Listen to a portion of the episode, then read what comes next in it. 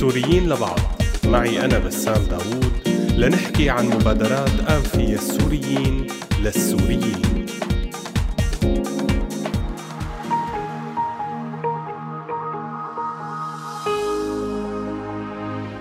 مرحبا. بعد نشر صور المعتقلين السوريين اللي ماتوا تحت التعذيب بالسجون السورية واللي انعرفت على مستوى العالم بصور سيزر اجتمع عدد من الأهالي السوريين على نفس الوجع.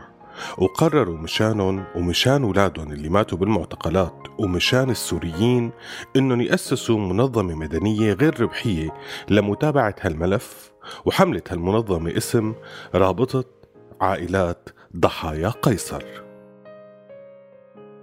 تأسست رابطة عائلات قيصر بالتعاون والمساندة من قبل المركز السوري للإعلام وحرية التعبير SCM ومركز توثيق الانتهاكات VDC وحددت لنفسها مجموعة من الأهداف ضمن تسليط الضوء على مأساة المعتقلين والمفقودين بسجون ومعتقلات النظام السوري وكافة الأطراف الأخرى والعمل على وقف تعذيب وقتل المعتقلين وإطلاق سراحهم.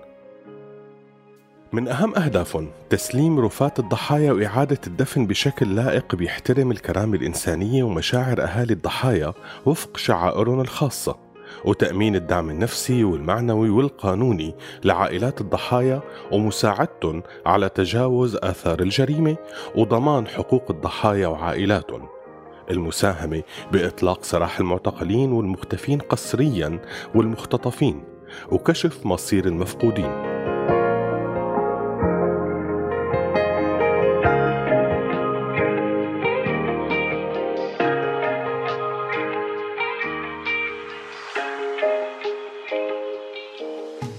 ضمان عدم الإفلات من العقاب وإنشاء محكمة خاصة لجرائم الحرب والجرائم ضد الإنسانية.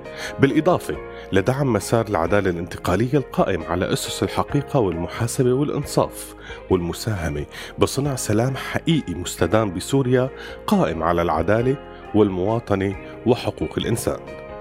بتدعو الرابطة كافة ضحايا التعذيب بسوريا وعائلاتهم إنهم ينضموا لهم ليمشوا مع بعض مسيرة العدالة الطويلة وليكونوا سند ودعم لبعضهم البعض بهالمرحلة. وبيأكدوا وبيتعهدوا انه رابطة عائلات قيصر ما رح تتردد بإن تدق كل أبواب العدالة الممكنة بأي مكان بالعالم. وإنها رح تستمر بدعم جهود عائلات الضحايا وربطها والتشبيك معها وين ما كانت لحتى تتحقق الأهداف وترجع الحقوق لأصحابها وينالوا المجرمين العقاب اللي بيستاهلوه إذا حابين تعرفوا أكثر عن الرابطة فيكن تزوروا موقعها على الإنترنت وتدعموها بالشكل اللي بتشوفوه مناسب لنبقى لبعض سوريين لبعض. سلام. سوريين لبعض. معي أنا بسام داوود؟ لنحكي عن مبادرات أنفية السوريين للسوريين.